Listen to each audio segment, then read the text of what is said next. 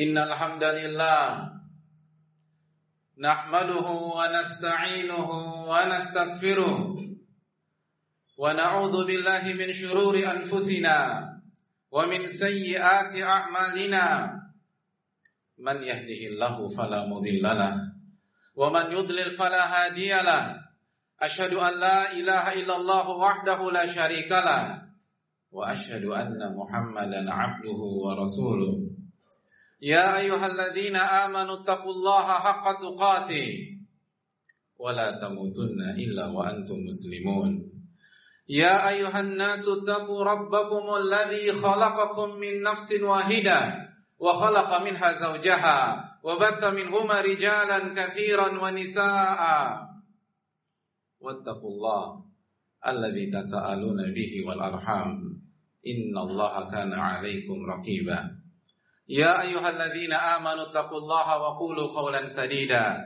يصلح لكم أعمالكم ويغفر لكم ذنوبكم وما يطع الله ورسوله فقد فاز فوزا عظيما أما بعد معاشر المسلمين yang dirahmati oleh Allah Subhanahu wa taala. Tidak ada kata yang pantas untuk kita tuturkan kecuali puji dan puja syukur kita kepada Allah Subhanahu wa taala. Yang kita angkat pada saat kita mengerjakan salat Jumat ini. Kecuali rasa syukur kita kepada Allah atas segala taufik dan hidayah sehingga kaki ini bisa melangkah, hati ini bisa tergerak mengamalkan sebuah ayat dan perintah dari Allah Subhanahu wa taala. Ketika Allah Subhanahu wa taala berfirman ya ayyuhalladzina amanu idza nudiya lis-salati min yaumil fas'au ila dzikrillah wahai orang-orang yang beriman apabila azan pada hari Jumat di waktu zuhur telah dikumandangkan maka bersegeralah menuju salah satu rumah-rumah Allah. Sambutlah panggilan tersebut untuk mengerjakan sholat Jumat. Wadarul bay' dan tinggalkanlah urusan jual beli kalian, tinggalkanlah duniawi kalian, tinggalkanlah urusan kerjaan kalian atau obrolan-obrolan kalian, kehidupan sosial kalian. Mengapa kita disuruh menghentikan semua aktivitas duniawi kita, masyarakat muslimin? Allah jelaskan alasannya. Dzalikum khairul lakum in kuntum ta'lamun.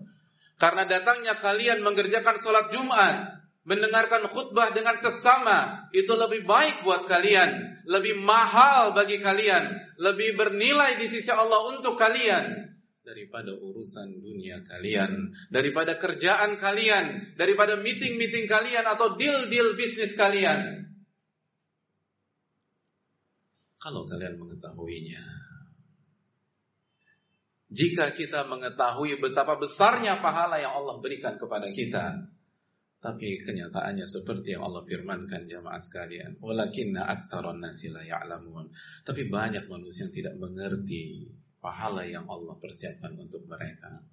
Oleh karena itu bersyukurlah kepada Allah Subhanahu wa taala yang telah memberikan kita taufik sehingga kita bisa mengerjakan sholat Jumat pada siang hari ini. Salawat dan salam Semoga senantiasa tercurahkan kepada junjungan kita Nabi kita Sayyidina Muhammadin Sallallahu Alaihi Wasallam beserta para keluarga, para sahabat dan orang-orang yang istiqomah berjalan di bawah naungan sunnah beliau sampai hari kiamat kelak. Ma'asyiral muslimin yang Allah muliakan. Ada sebuah pesan yang Allah ingin sampaikan kepada kita setiap pekannya secara umum. Pesan yang Allah ingin sampaikan kepada kita di momentum-momentum besar.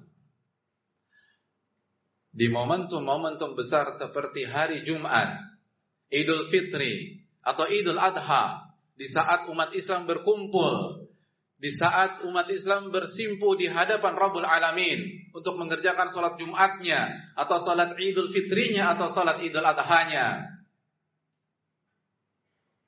maka tidak mungkin pesan itu tidak memiliki bobot yang besar. Karena pesan ini dipilihkan oleh Allah di antara banyak-banyak pesan. Pesan yang Allah firmankan di dalam beberapa ayat di dalam Al-Quranul Karim. Allah subhanahu wa ta'ala berfirman tentang pesan tersebut. Hal ataka hadithul ghasyiyah. Hal ataka hadithul ghasyiyah Apakah telah sampai kepada engkau wahai Muhammad berita tentang hari kiamat? Wujuhu yawma idzin khashi'ah. Sebagian wajah pada hari itu tertunduk lesu, pucat pasi. Siapa mereka jamaah sekalian? Mari kita lanjutkan ayat-ayat itu. Amilatun nasibah. Pemilik wajah-wajah itu adalah orang-orang yang beramal ketika di dunia. Orang-orang yang sholat, orang-orang yang berzikir, orang-orang yang berpuasa, orang-orang yang membaca Al-Quran. Dan tidak hanya beramal, nasibah, mereka lelah, mereka letih, mereka capek karena banyaknya amalan mereka, karena banyaknya ibadah yang mereka lakukan. Mereka bukan hanya sholat tahajud, tapi mereka merasa capek karena panjangnya sholat tahajud yang mereka lakukan. Mereka bukan hanya puasa, tapi mereka kelelahan karena banyaknya puasa sunnah dan puasa wajib yang mereka lakukan. Mereka bukan hanya membaca Al-Quran, Tapi mereka letih karena banyaknya ayat-ayat yang mereka baca. Amilatun nasibah. Hadiri yang semoga dirahmati oleh Allah Subhanahu wa taala. Kira-kira surga mana yang berhak mereka dapatkan? Istana surga mana yang tepat untuk mereka raih? Mereka bukan hanya sholat, tapi mereka capek karena mengerjakan sholat-sholat tersebut. Amilatun nasibah. Surga. Itulah yang ada di benak kita. Ketika kita melihat profil-profil orang-orang seperti itu. Tapi marilah kita serahkan kepada Allah Subhanahu wa taala. Kita lanjutkan ayat-ayat itu tasla naran hamiyah tusqa min 'ainin aniyah laisa lahum ta'amun illa min dhari' la yusminu wa la yughni min ju' tasla naran orang-orang itu Allah akan masukkan ke dalam api neraka yang menyala-nyala. Tusqa min 'ainin dan mereka akan diberikan minum dari air yang mendidih dari api neraka Laisa lahum ta'amun illa min dhari' Tidak ada makanan kecuali duri yang sangat tajam la yusminu wa la yughni min ju' tidak mengenyangkan dan tidak menghilangkan rasa lapar. Ma'asyiral muslimin yang semoga Allah muliakan. Bukan surga yang mereka dapatkan. Dan ini bukan ranah kita. Ini bukan ranah khatib. Kita hanya mengangkat apa yang Allah firmankan di dalam ayat-ayat tersebut. Allah yang memiliki surga dan neraka yang mengatakan ada sebagian orang yang hidupnya senantiasa berinteraksi dengan amal, senantiasa berinteraksi dengan ibadah, alih-alih mendapatkan firdaus, alih-alih mendapatkan adan. Tasla naran hamiyah mereka dimasukkan ke dalam api neraka yang sangat panas. Ayat-ayat ini membuka mata kita bahwa tidak semua orang yang beramal mendapatkan surga Allah Subhanahu wa taala. Ayat-ayat ini membuka mata kita bahwa tidak semua penghuni neraka adalah orang-orang yang menghabiskan waktunya dengan maksiat. Namun ada di antara penghuni-penghuni neraka yang pada saat dia hidup berpuasa, sholat, berzikir, membaca Al-Quran, dan mengerjakan amalan-amalan tersebut. Oleh karena itu, ma'asyurah muslim tidak heran bahwa pesan penting ini diangkat di momen-momen besar. Allah subhanahu wa ta'ala dan Rasulnya meminta para imam ketika sholat Jumat membaca surat Al-Ghashiyah di rakaat yang kedua. Allah dan Rasulnya pun meminta para imam di saat sholat Idul Fitri membaca surat Al-Ghashiyah di rakaat yang kedua. Dan Allah dan Rasulnya juga meminta para imam untuk membaca surat Al-Ghashiyah di salat Idul Adha di rakaat yang kedua. Karena pesan ini harus sampai ke tengah-tengah umat. Agar kita tersadar Tugas kita bukan hanya mengatakan tidak pada maksiat, tapi harus kembali mengevaluasi dan menjaga amal-amal itu sendiri. Ma'asyiral muslimin yang Allah muliakan. Lalu apa sebab kegagalan mereka? Para ulama memperbincangkan mereka. Mereka mengatakan bahwa sebab kegagalan tersebut karena mereka ketika beramal tidak memenuhi dua syarat diterimanya amal ibadah yang Allah tetapkan dan Allah jadikan sebagai aturan baku di dalam agama. Ya hadirin sekalian, sebagaimana untuk memasuki sebuah instansi atau lembaga, kita bukan hanya diminta untuk mengerjakan sesuatu, tetapi kita harus mengerjakan sesuatu dengan syarat-syarat yang diminta oleh badan tersebut. Begitu juga dengan surga, begitu juga dengan amal ibadah ada syarat yang Allah inginkan dari kita. Dan syarat tersebut kata para ulama ada dua syarat ma'asyiral muslimin. Yang pertama adalah ikhlas kepada Allah Subhanahu wa taala. Innamal a'malu binniyat wa innamal likulli imri'in ma nawa. Sesungguhnya setiap perbuatan ada niatnya dan setiap orang akan diganjar sesuai dengan niatnya tersebut. Faman kanat hijratuhu ilallahi wa rasuli fa hijratuhu ilallahi wa rasul. Barang siapa yang berhijrah hijrah adalah sesuatu yang sedang hype atau happening pada hari ini. Nabi memberikan contoh barang siapa yang berhijrah dalam rangka niatnya karena Allah dan Rasulnya, maka ia akan mendapatkan Allah dan Rasulnya. Dan barang siapa yang hijrahnya untuk dunia yang ingin dia dapatkan, atau wanita yang ingin ia nikahi, maka ia akan mendapatkan itu dari hijrahnya tersebut. Ia tidak akan mendapatkan Allah. Dia tidak tidak akan mendapatkan surga.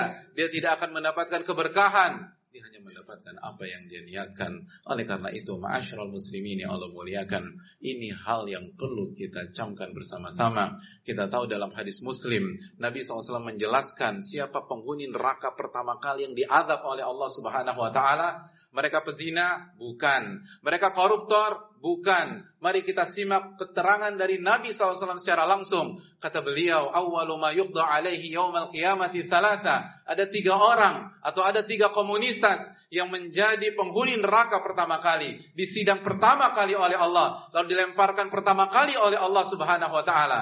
Yang pertama, rojulun. Seseorang, hadirin sekalian. Ustushida. Dia wafat ketika memperjuangkan agama Allah. Lalu dihadirkan di hadapan Allah.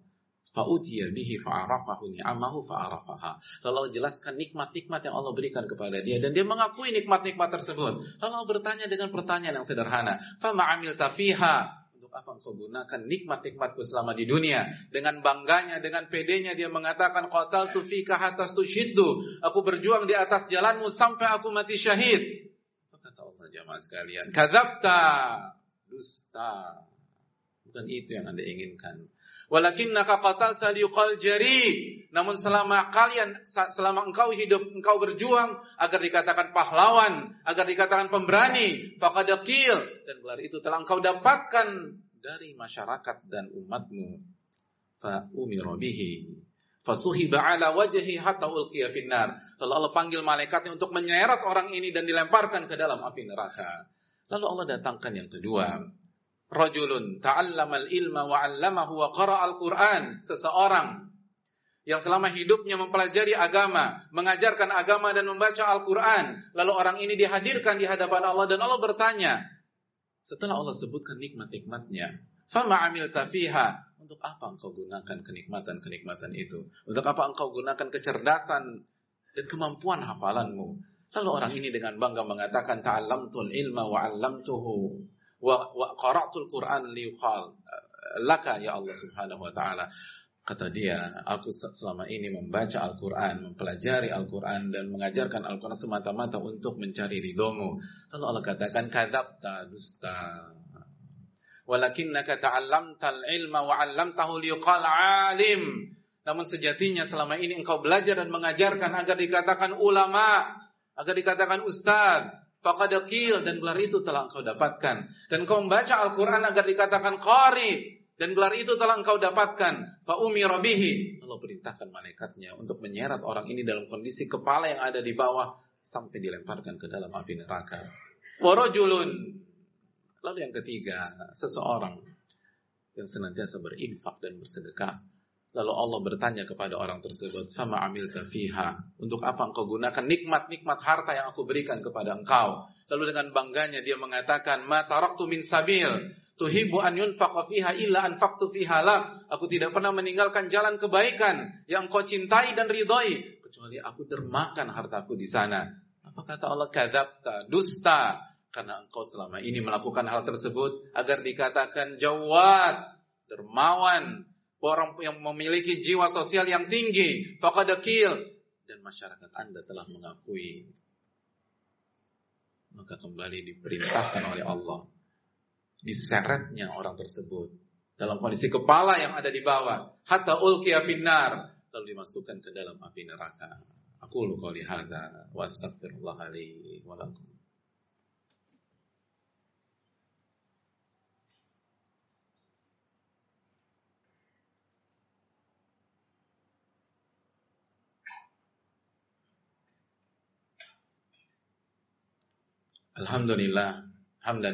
Tayyiban mubarakan fi kama yuhibbu rabbuna wa yarda.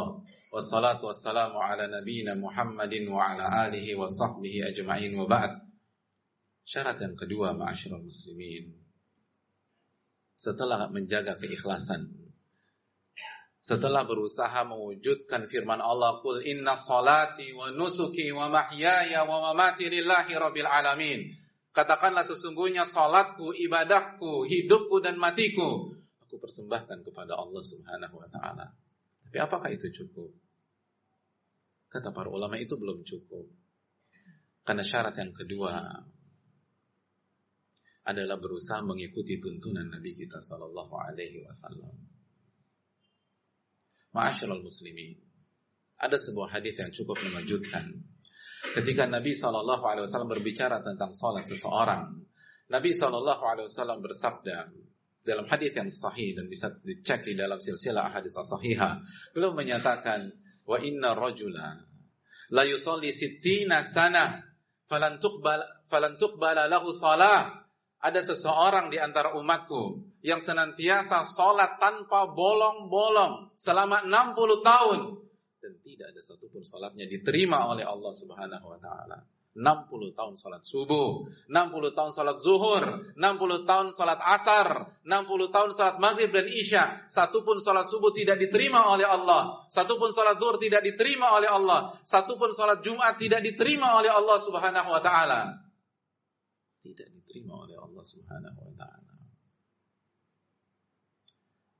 Apa yang terjadi dengan orang tersebut?